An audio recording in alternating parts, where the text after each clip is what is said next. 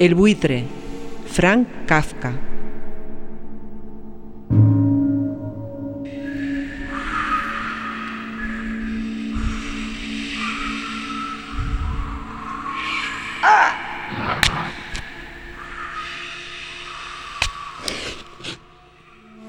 Érase un buitre que en medio de un desierto picoteaba los pies de un hombre. Ya me ha desgarrado los zapatos y las medias y ahora me picotea los pies. Siempre tiraba un picotazo, volaba en círculos inquietos alrededor del hombre y luego proseguía la obra. ¡Basta!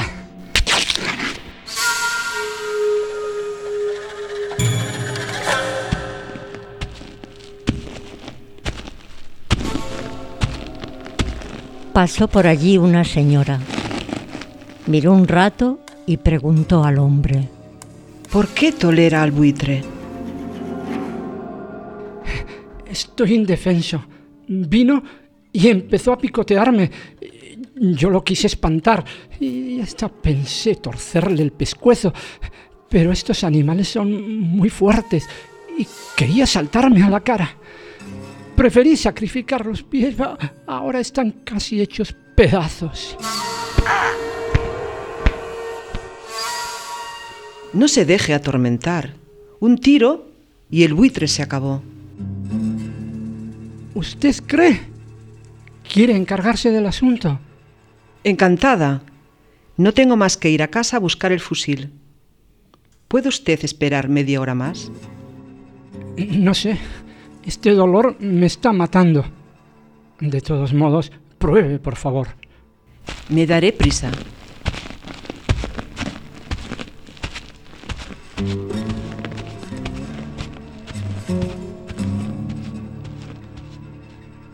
El buitre había escuchado tranquilamente el diálogo y había dejado errar la mirada entre el hombre y la mujer.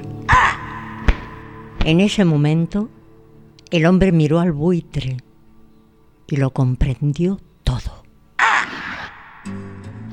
Nos ha estado escuchando y lo ha entendido todo. El buitre voló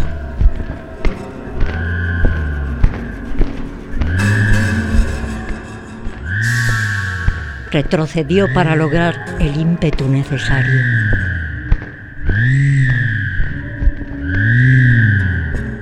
Una atleta que arroja la jabalina, encajó profundamente el pico en la boca del hombre.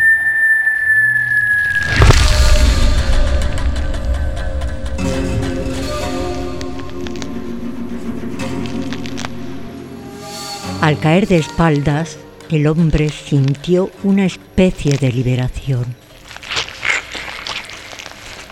En su sangre, que colmaba todas las profundidades y que inundaba todas las riberas, el buitre irreparablemente se ahogaba.